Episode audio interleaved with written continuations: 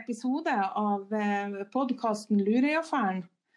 Mitt navn er Elin Nystad, og jeg har med meg Ragnar Skjelnes fra Helgeland museum, som skal fortsette på fortellinga om Lurøyaffæren.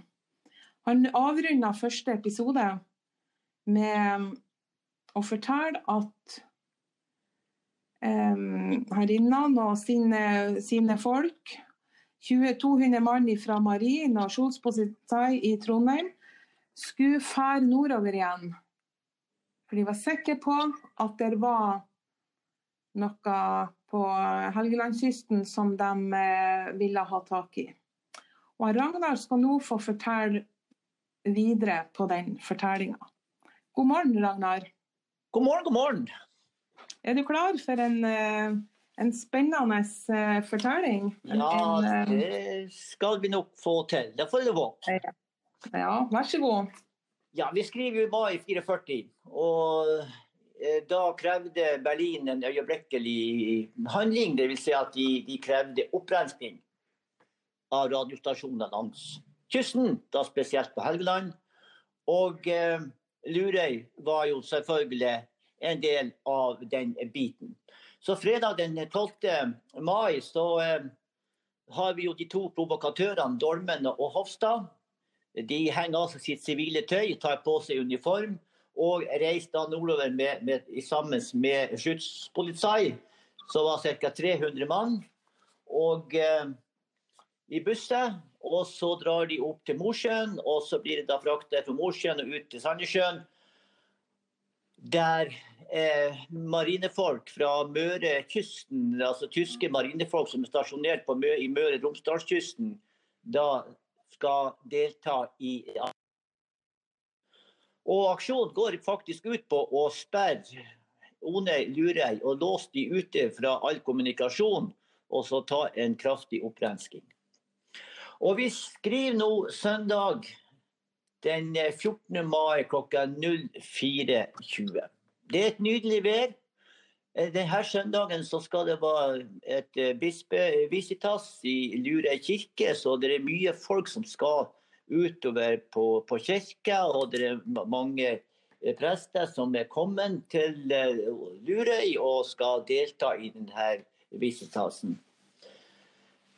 Han Alfred Jarvold, som har butikken på Onøya, han våkner sånn ca. ti på halv fem om morgenen av en mye motordur ute på, på, på Onøyvika. Og han står jo opp og ser ut gjennom vinduet og ser at det er flere vaktbåter som ligger ute på sundet.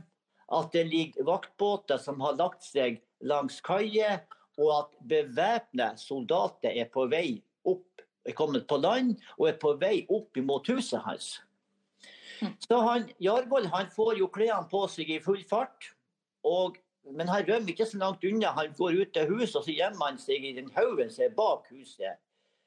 Og det blir han jo ganske fort oppdaga av en, av en, en soldat. Og han blir da straks eh, arrestert. Han blir så ført inn i sin egen stue. For på Jarvoll der hadde da tyskerne da etablert sitt hovedkvarter. Under ledelse av, av eh, Nilsson. Han eh, har allerede plassert seg bak skrivebordet i eh, spisestua. Og på bordet der har han da lagt en forhørsprotokoll, skrivesaker og tre gummikøller. Han er flankert av eh, de mest berykta Gestapo-folkene i Trondheim som heter Dudek og Dragas. Og i tillegg eh, til eh, Dolmen og Hofstad, som nå er i Gestapo-uniform. Så begynner forhøret. Mm. Og Alfred, han svarer jo ikke på spørsmålene. Eller de får ikke de spørsmålene som tyskerne vil ha. Og da begynner tortur, der han Dudek og han Dragas å slå. Med knyttneve i brystet, i mellomgulvet, ryggen og armene. Og noen susende flatkantslag i ansiktet. Men det eneste tanken han har, det er å holde ut. Han må holde ut så han Jon skulle klare å komme seg vekk. Og han blir òg etter hvert slått med gummikulde til han svimer av. Men eh, vakten de holder han oppe, sånn at han ikke skal eh, falle i gulvet. Du, hvordan er det med han eh, Jon Kristoffersen? Hvor han er han akkurat? Han, akkurat nå? han eh, ligger i sin hule på Onøya, så vi kommer dit etter hvert nå. Ja. Ja. Så får ingenting ut av Jarvold. Og eh, så blir han eh, eh, Norum henta inn. Stilt opp mot veggen. Det vil si, altså, og Norun det er jo kona hans, hans Alfred Jarvold. Hun blir tatt inn i stua. Hun blir stilt opp mot veggen og får en pistol retta mot seg. Og hvis, så sier de her torturistene at hvis ikke han Jarvold nå snakker, så blir hans kone skutt. Men det som skjer akkurat da, så går det et skudd av utenfor huset. Og da viste det seg at det er svogeren til Alfred Jarvold, Alfred Johansen, som er på vei mot huset, som er blitt skutt. Han faller om. Han hadde ikke kjennskap til saken, og han var dessuten tunghørt og så dårlig. Så, så han skjønte ikke hva som foregikk hos, hos familien. Så han skulle bare bort og se hva det her var, så, det her var for slags skal opp, det han var.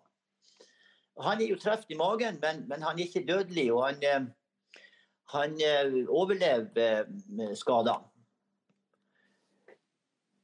Honoren blir jo ført ut, men Alfred han blir altså ytterligere torturert i to timer. Men eh, da er han så, så forslyen og så sløv, og, han blir da kastet inn i et, i et nabohus der, som da blir brukt til arrest for resten av de arresterte som etter hvert det tyske politiet har samla inn på Onøya og Lurøya. Blant annet han Pleim, som vi hadde nevnt i forrige episode.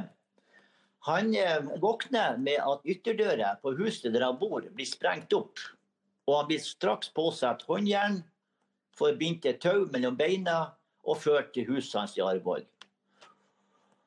Og eh, han blir jo også jaga opp på det her loftet, eh, som de andre som skal forhøres. Og han Pleim han får jo samme behandlinga som han Jarvoll, men, men nå var kongisen til de her to gestapistene opphørt, så, så eh, forhøret ble kortere.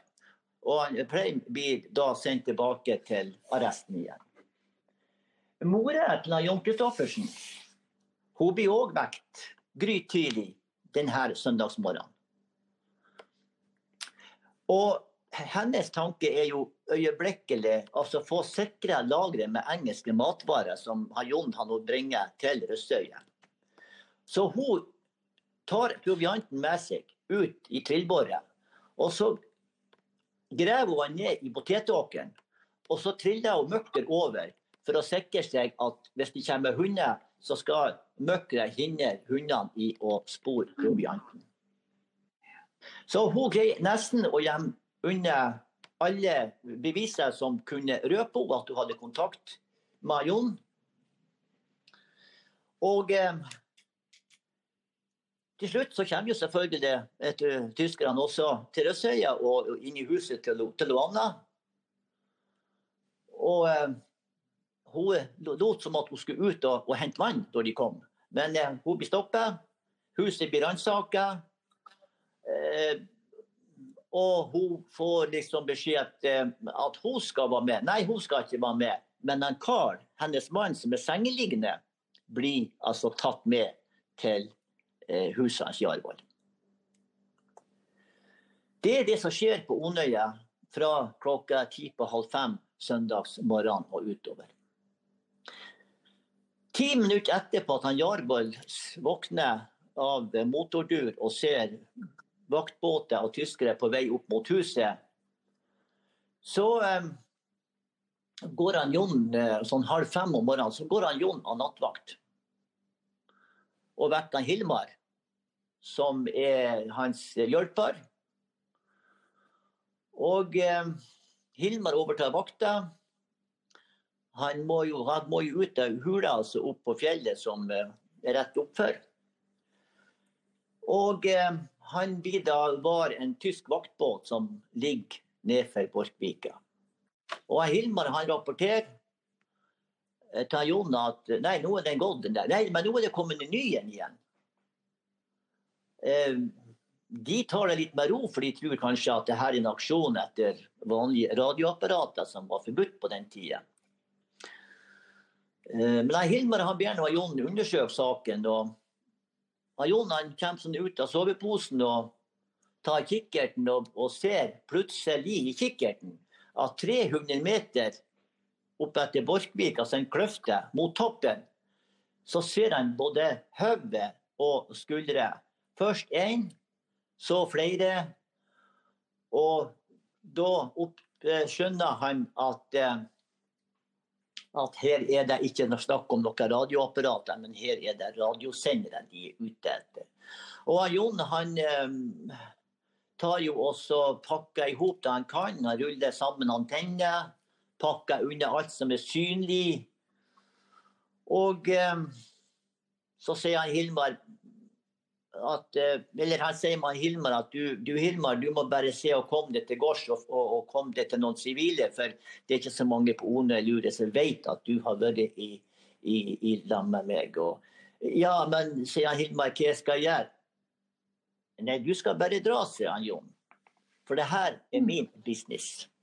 Ja, han Hilmar han er en slektning av Jon Kristoffersen, og han er fra Onøya. For at da Jon kom til, tilbake til, fra England eh, og kom tilbake til, til Lurøy, så, så kom Jon alene. Og, og, Da måtte han da finne seg en, en, en, ungdom som han kunne ha til medhjelper. I og med at han, eh, Jon også skulle eh, reise til Sandnessjøen, han skulle reise rundt i distriktet og samle opplysninger. Sånn. Og han måtte jo ha noen som kunne holde senderen og observasjoner på, på, med tysk skipstrafikk gående når han var borte. Ja. Eh, de, eh, og etter hvert så, så, sier han, eh, så sier han eh, Jon Kristoffersen med Hilmar at du, men du kan få en pistol hos meg. Du kan ta en pistol med deg. Så sier han Hilmar hva skal med den? Ja, Da sier han Jon den kan du bruke på deg sjøl når du kommer i forhør. Så det var harde bud. Ja. Han, eh, de vil jo brenne opp papirene, og han, Jon har samla jo alle papirene og kodebøker og det her, og, skal, og, skal, og så fyll, tømmer han bensin over det her, for nå skal han fyre på dem. Og så viste det seg at nei, gud, han var jo fri for fyrstikke. Og derved så må han altså så må han ta med seg papirene. Og noen av de kodene de må han bare skynde seg å spise. Og resten det pakker han opp på kroppen. Så bevæpner han seg med med en Spicer-pistol, en salongrifle og en um, og en, en luger. Ja, en luger, ja. Og en Spicer og en luger, salongrifle og en revolver. Men eh, han legger tilbake maskinpistolen og tenker at det er bedre med ei rifle å bruke på langt hold. For, og eh, han tar da den riflen med seg i stedet for håndgranater og en stengun som han legger igjen. For han tenkte som så at jeg må prøve å komme til fjells.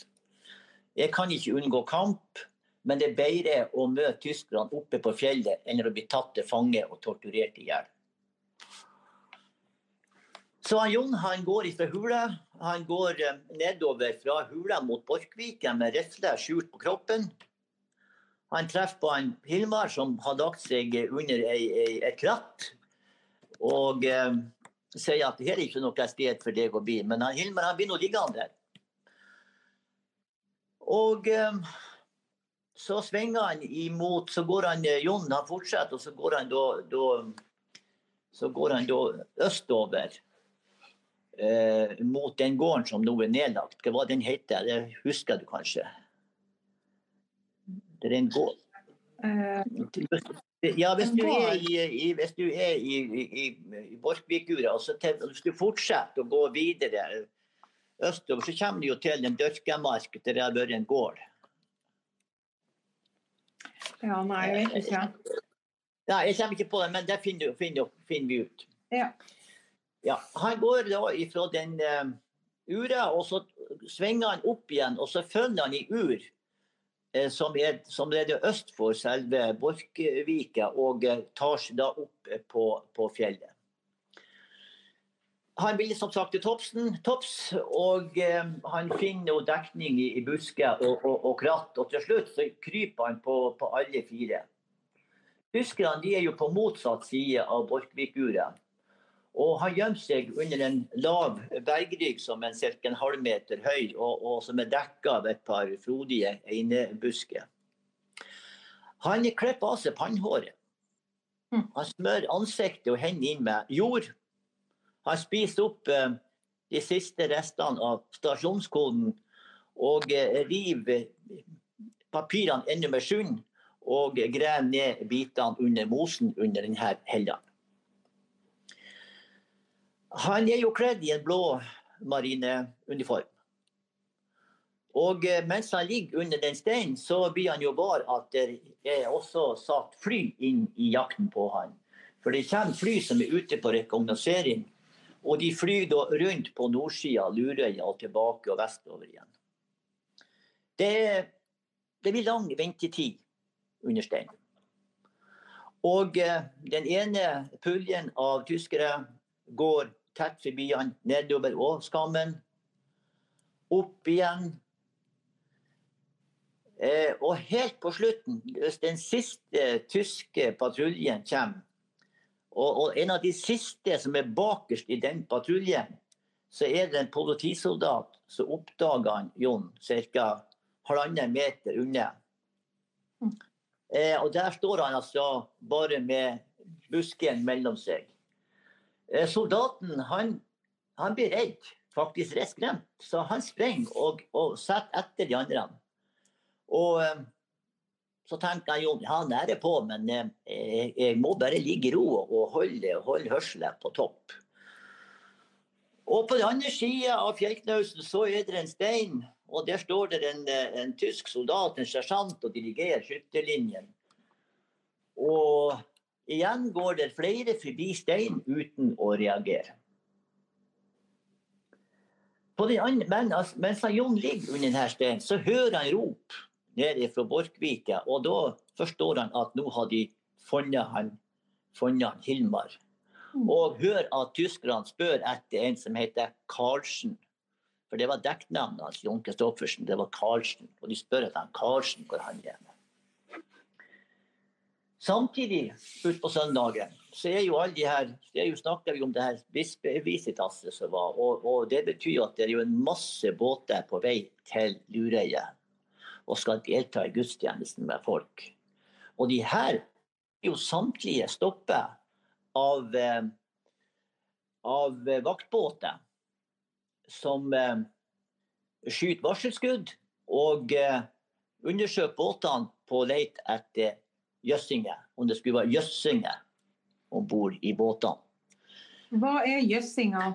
Ja, Det er de som er motstandere av Hitler og hele hans okkupasjon. Og, og, og er liksom for et fritt Norge, som er motstandere av, av, av Hitler og Tyskland. De ble kalt for jøssinger. Mm, ja. Og det har sin bakgrunn fra Jøssingfjorden. Ja. Der Altmark-affæren oppsto. Um, han, Jon han blir jo liggende under denne steinen i opptil tre timer. Men han finner ut at han må bare holde seg der. For han, eh, så lenge han greier å holde seg i ro, så, så vil han i hvert fall ikke bli fanga og pint, pint i hjel. Så det var jo bedre å, å, å, være her oppe. Og skulle kampen komme, så var det jo i hvert fall godt å være på fjellet. Så er det plutselig en marinegast som eh, går etter bergryggen der denne helleren som Jon ligger under. Og, og, han går altså tilfeldig på han Jon. Her er jo andre gangen at at fra første som Jon mente kunne se han, han kunne ikke ha sett han Jon likevel, for det blir ikke noe, slått noe alarm. Eh, men, men denne gangen så er det ingen vei utenom. Og Jon han skjøt to ganger med lugeren med han bombe. Så slenger han vekk salongrifle. Så slenger han vekk pistolen, han griper salongrifle. Og han der soldaten som kom ned etter bergryggen, han hiver seg da i dekning ca. 20 meter unna. Og, de begynner å skyte, eh, og han begynner å skyte med maskinpistolen. Og Jon han skyter tilbake uten å treffe. Mm. Så tenkte han ro deg ned, ro deg ned. Trekk pusten rolig. Ikke bry deg om maskinpistolen. Sikt. Rolig. Trekk av. Pang. Treff. Skrik. Og soldaten eh, faller om i linjen. Han skyter noen skudd til i luften, men så blir det stilt. Så hører han Jon at det roper 'Marine, Marine'. Han springer opp og får se en til politisoldat med maskin- maskinpistol bak en stor stein oppe, lenger oppe i myr. Like utenfor det bratte stupet. Og han der soldaten som roper 'Marine, Marine', han sier samtidig 'Ikke skyt, ikke skyt, ikke skyt'. Men i neste sekund så skjøt han mot han Jon. Og Jon har jo veldig lite til overs for politisoldater i grønne uniformen. Og alt det onde de stelte til. Så han sprenger imot stein, der han der soldaten ligger, med salonggeværet. Og han stopper fem meter fra stein. Men han motstanderen han viser så vidt bak steinen og gjemmer seg eh, enda mer når Jon kommer så nært. Men han, Jon han skyter noe uansett. Han bommer. Politisoldaten dukka opp på ny bak stein og skjøt en ny salve mot Jon. Men han, Jon hiver seg i dekning. Og Jon klarte å, å holde han her politisoldaten nede med rifle, og slik så fortsatte det til Jon hadde skutt tomt magasinet på rifle. Denne duellen mellom de her to eh, hadde tilskuere. For 100 meter an, på andre sida av Borkvika så sto det 50-100 mann og bibåna det her uten å kunne hjelpe kameraten sin. For da kunne de risikere å, å, å, skyte han òg. Eh, Jon han var jo heldig og var jo først blitt oppdaga av en baktropp. Så da Jon hadde tømt rifla og, og, og reist seg for å skyte, så var jo den tom for ammunisjon. Men, men da slenger han Jon rifla mot han her soldaten som dukker. Og det gir han Jon tid til å få fram revolveren. Første skudd, han eh, fyrer av i bom. Men det neste, det treffer. Det går gjennom kjeven på han tyskeren, som skriker fryktelig og begynner å krabbe mot stupet. Han Jon han springer etter, for han vil ha tak i hans maskinpistol. Så han tømmer revolveren etter han. Han eh, Tysken slipper maskinpistolen, og Jon kommer innpå han og får sparka han utfor stupet. Utrolig nok så slipper han her tyskeren fra bataljen med livet i behold. Han er skutt i kjeven, i magen, i skuldrene og låret. Og et fall. Men han blir altså i det fallet stoppet av et kratt, og han blir da senere berga av sine kamerater. Og ett år etter krigens slutt så ligger han her soldaten fortsatt på sykehuset i Trondheim.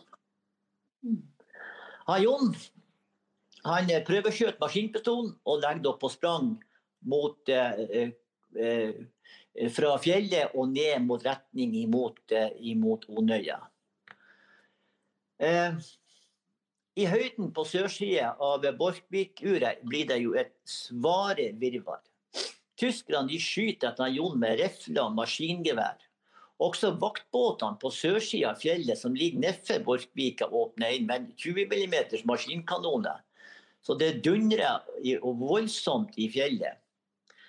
Og i det her så blir altså nestkommanderende for aksjonen, som er om bord i en av de her vaktbåtene, han, eh, han blir altså truffet av sine egne og blir drept under denne ville og ukontrollerte skytingen. Så han eh, hadde med seg dokumentmappa, og den blir med, med dokumentet i forbindelse med aksjonen, og den faller på havet og blir borte. Han Jarvola Pleim, som sitter arrestert, de hører jo skytinga. Den hørtes over hele øya. Og det fører jo til at, eh, at tyskerne tror at her er fullt av engelskmenner som er kommet. Og eh, litt senere så blir han Pleim hentet inn til et nytt forhør av de samme. av Nilsson, Dudek og Dragas. Og Gestapo vil da vite hvor mange allierte soldater som er i fjellet. Så vil de vite hvor våpenlagrene er henne, og hvem som har betjent senderen som var funnet. Og eh, de begynte å, å denge han pleim med kølle over knærne, lårene, håndleddene, og til slutt i hodet så han besvimte. De dro ham ut på verandaen, og Dolmen, som tidligere hadde vært venn med han Plein og bodd hjemme hos han Plein i lang tid, sparka åt han i side og eh, sa at han ja, vi behøver ikke gjøre det dårligere enn høyst nødvendig. Så ble han sluppet til arresten, hvor han da ble liggende i ørske i to døgn. Så ble han Jarvold hentet. Han hadde vanskeligheter med å gå etter torturen tidligere på morgenen. Og han ble òg sett at, at han fikk se en Hilmar, som da var tatt, og som nå var frakta til Onøya, ble løftet to meter ifra båten og opp på kaia bare etter håret. Fra huset hans i Arvoll og hele veien ned til skyen så sto det vakter. Han Jarvold han fikk jo se at de kom slepende med Hilmar. Og herr Høgstormfyrer Nilsson spurte ja, hvem er dette? Og eh, han Jarvold svarte jeg heter Hilmar Kristoffersen. Han var assistent på radiostasjonen i fjellet. Aha, sa Nilsson. Og så slo han Hilmar over munnen og dro han opp på loftet. Men det kom ikke en lyd fra han Hilmar. Men herr Høgstormfyrer Nilsson han hadde gått på et nederlag og fått seg en kraftig skyllebøtte flesh i Mosjøen, for de hadde verken funnet våpenlagre eller allierte soldater. Og da de heller ikke fikk han Jarvoll til å si noe, så eh, fikk han seg selvfølgelig en, han også en susende ørefik av Nilsson som var blitt kjefta opp av Gestapo-sjefen. Og Et kvarter senere blir han også slept tilbake til arresten etter kan man si, to mordforsøk den dagen. Han Jon er nå på flukt ned Torshovdalen.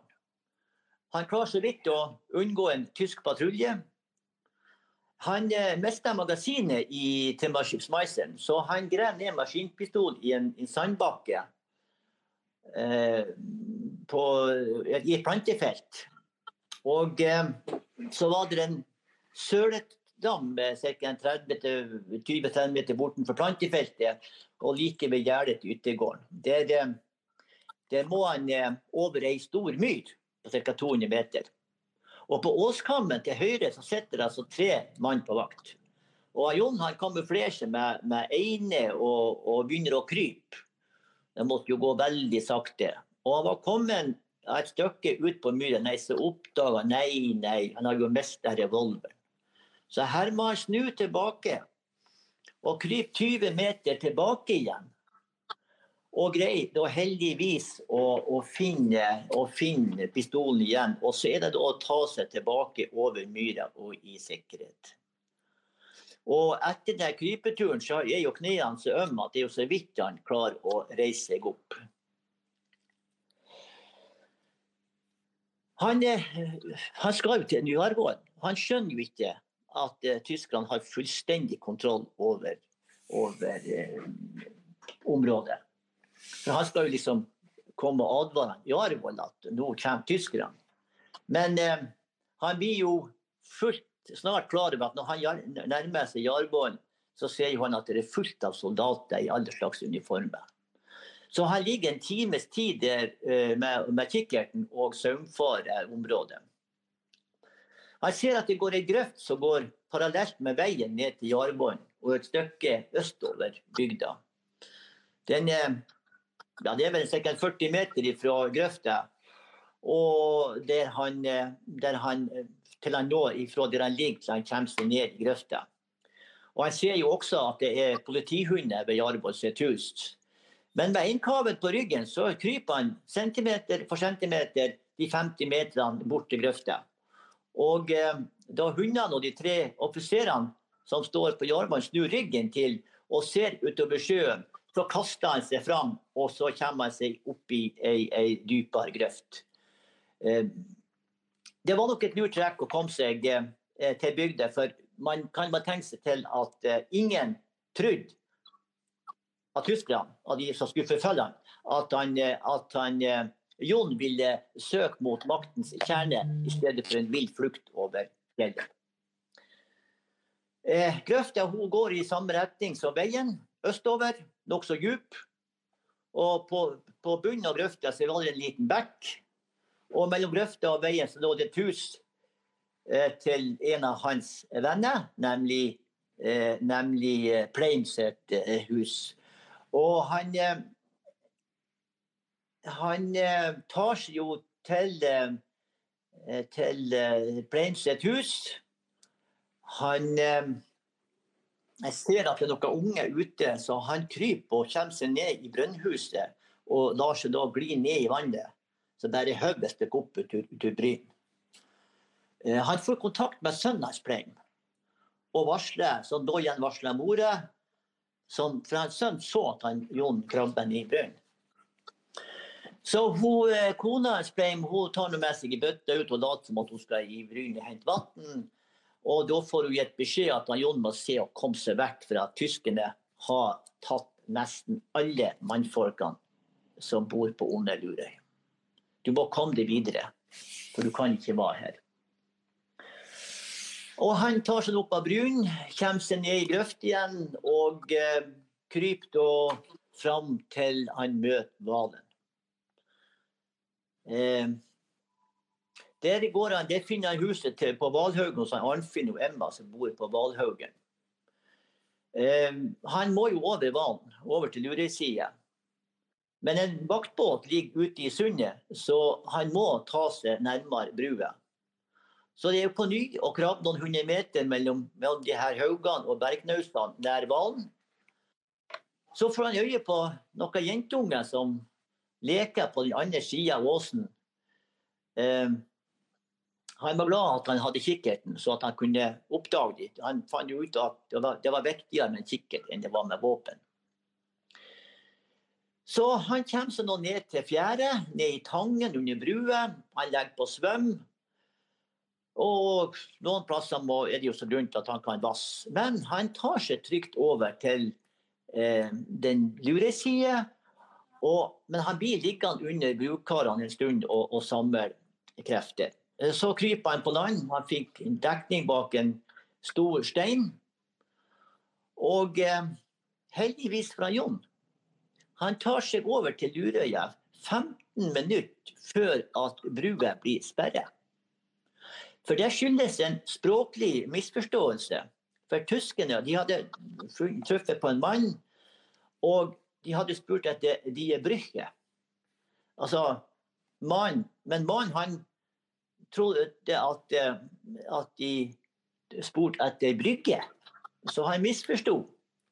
Og eh, viste de til ei brygge som gjorde at de ble forsinket med å sperre eh, hvalbrua. Og de, de jo, de var jo så forbanna tyskerne når de oppdaga denne feilen, at de tvang jo mannen til å og, eh, og løp eh, hele veien tilbake igjen, som i straff for at han ikke hadde skjønt hva de sa. Eh, Jon han velger jo da myrstrekningene. Og han var jo innom en gård der han hadde en god, god venn som heter Asvort, og hans mor. Her fikk han litt mat, og han fortsetter da mot Luregården. Han følger jo de skogkledte åsene mot øst. Og han stanser da ved en bekk som renner tvers over jordet og ned til sjøen. Så Der oppe fra så hadde han en god oversikt over gården. Han følger bekken nedover mot gården. I luftlinja er det ca. 500 meter. Og 100 meter fra luregården så møter bekken som eh, kommer nordfra, en, en, en, utsikt som han kan benytte, som han eh, ser liksom, og får en god oversikt over gården. Og han kommer da ned imot fotballplassen, det er jo der hvor Arntzen går, ved, ved bakken, ja. Han får kontakt med en av eh, guttene som er på, på gården, og ber han hente han Dundas, eh, som da var bestyrer på Luregården. For vi skal huske på at på den tida så var det landbruksskole på eh, Luregården. For tyskerne de hadde overtatt landbruksskolen i Bodø til, til, sitt formål. Og da var landbruksskolen blitt opprettet Lure, på Luregården. Og det var en Dundas som var bestyrer. Men eh, det viser at han Dundas han er bortreist. Så han treffer en annen elev som heter Håkon Ture Lamvik. Det viser at han Dundas han hadde reist til Hemnesberget og over til Sverige pga. at han var redd for å bli tatt. Eh, altså, det her var jo før, før, før denne razziaen, men han tok ikke noen sjanse på å, å, å oppholde seg lenge på Lure pga. Eh, det han har vært med på tidligere. Men han eh, får tak i en som heter bestyrer Vik. Han er en grei mann, men han er forferdelig nervøs. Og en elev ved skolen som heter Martinsen fra Offersøya, Kjøttet, han, eh, han bytter sko med Jon. Og han her eleven han tar skoene hans Jon på seg, og så går han ned til kirke. Han krysser, kirkegården flere ganger. Og går ned til Lurøyskyen. Og Der tar han en båt, og så ror han ut på fjorden. Og så kaster han skoene hans Jon over, over bord, altså i havet. Eh, Jon han vasser da videre ned til, til låven på Luregården. Der får han klær og mat. Det er kveite smør og potet. For det er på Luregården de tilreisende gjestene i forbindelse med bispevisitasset har samla seg til middag. Så Jon får altså litt av den middagen. Utpå natta så Ja, og når Jon da har fått eh, har fått eh, mat og fått hvilt seg litt så går han Jon, fortsetter Jon videre nordover om Luregården og videre opp de her bratte og uveisomme vestsida av Lurefjellet. Han følger revner, sprekker, som nå er skygge. Fjellet er jo bratt og kronglete. Og på veien så tømmer han lommene for ammunisjon til lugeren og rifler som han jo har mista i alle tilfeller. Han kommer seg opp et fjellplatå på sørsida og ser svartisen og fjellene mot fastlandet. Men han ser òg at vaktbåtene patruljerer langs Stigfjorden. Og han ser at den ene går inn til Kokkvika. Eh, gården til, gården til Jon skulle Ja, altså det var jo Kokkvika. Jon var jo tidligere på Kokkvika tidligere. Og Jon han har da et mål. Han vil til Søtternes. Og på 200 meter eh, fra toppen, der han ser Søtternes, så følger han en skogvokst li midt etter fjellet på innsida. Men han må flere ganger søke dekning eh, og gjemme seg pga. at eh, han, han er redd for å bli oppdaget av eh, vaktbåtene. Men etter ca. to etter en stund så, så, kommer han seg fram til Søtternes. Og eh, gjennom fordypninger i terrenget og skog, så klarer han da å nå sånn, holdes seg skjult til han når fram til husene der. På Søtternes er de ikke kjent med razziaen. For telefonen var blitt avstengt tidlig på søndagsmorgenen. Og på Søtternes der var Marianne med ungene, Otto Haagensen, som var Mariannes mann. Han var på Selnes hos eh, mine foreldre. Eh, fordi at han eh, hadde vært på en tur til Hemnes og skulle kjøpe en båt. Og så Han var kommet til Selnes, og han var der. Og eh, han måtte da, var ikke da rakt å komme seg hjem til Lurøyda før at den razziaen startet. Men eh, han fikk både mat, han fikk kaffe, han fikk melk. Og fikk eh, kort forklart om Marianne om eh, sitt bekjentskap med hennes mann, altså Otto. Det var også en invalid som bodde på gården. Og han kom mens Jon var der, så kommer han invaliden og varsler at nå kommer det en vaktbåt inn sundet. Og Jon har jo ikke noe annet å gjøre enn å legge til fjells Men han fikk låne en spade, og han fulgte jo den bekken som renner ned mot Søtternes, opp igjen. Og han kom seg opp på fjellet til et lite platå som var liksom tilgjengelig fra sør. Men mot vest så steg fjellet bratt til værs. Og det lå altså en kjempestor stein på, på dette platået, som var Mannsøy.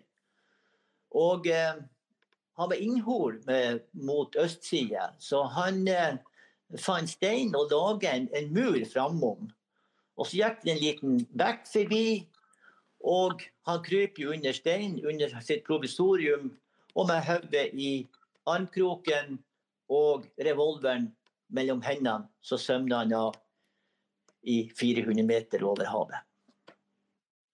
Han våkna langt utpå formiddagen. Da det vært tirsdag den 16. mai. Det var ei kald natt. Det var skikkelig nordatrekk.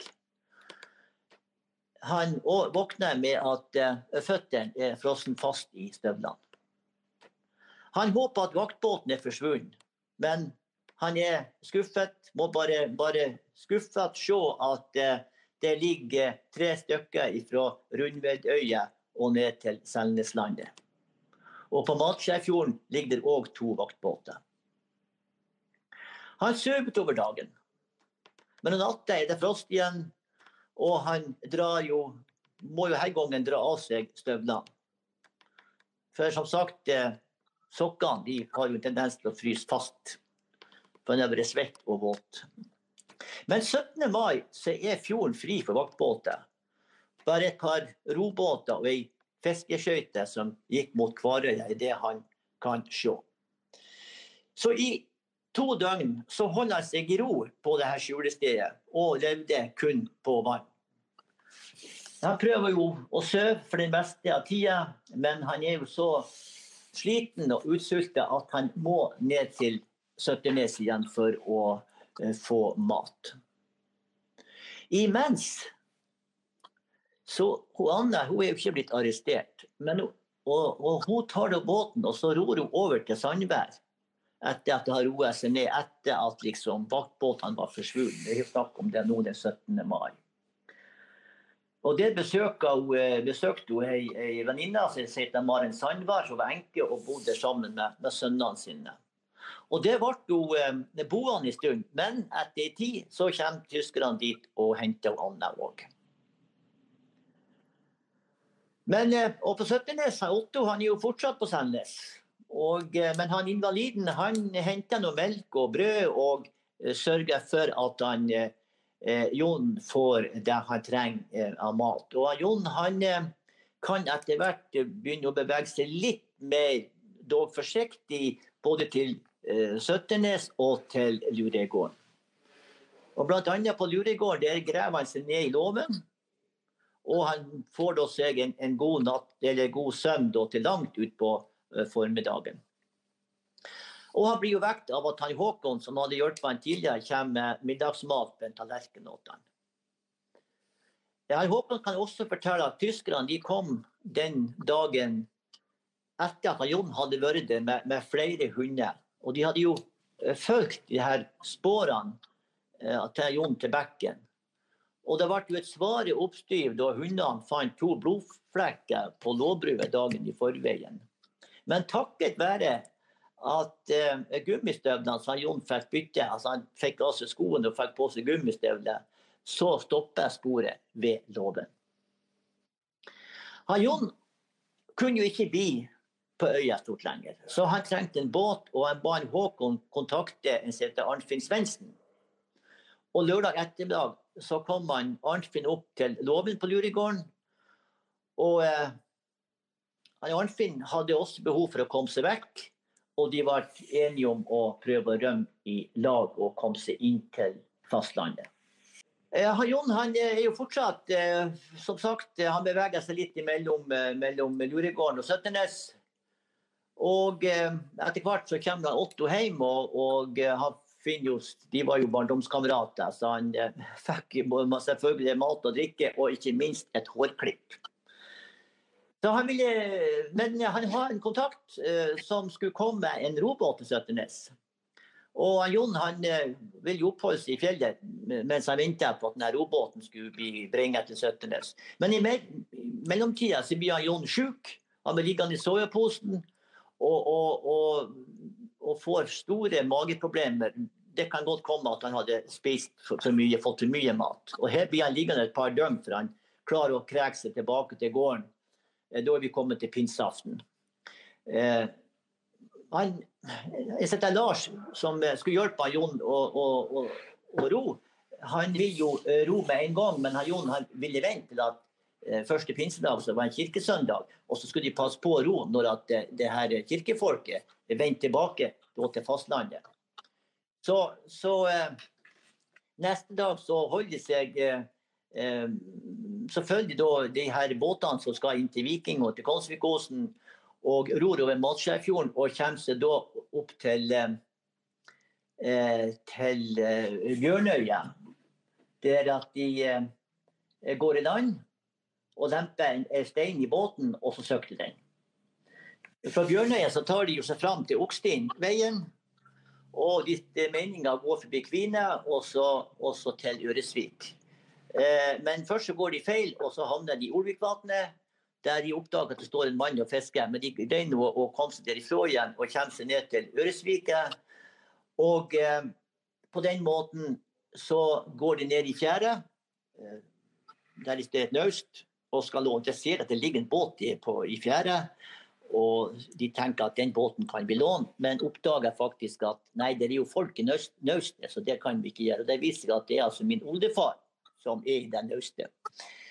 Men eh, de går eh, litt videre eh, mot en annen plass, og der finner de en båt. Der de legger 50 kroner under en stein, og så ror de over Sørfjorden. Fordi at Jon vet jo at de Renga-folka, altså på Renga, disse agentene som er på Renga, som han kjenner tidligere, han vet at de har oppholdt seg på Renga, og at de har Lines, gården på Line som, som sin base. Ehm, de tar seg over fjorden.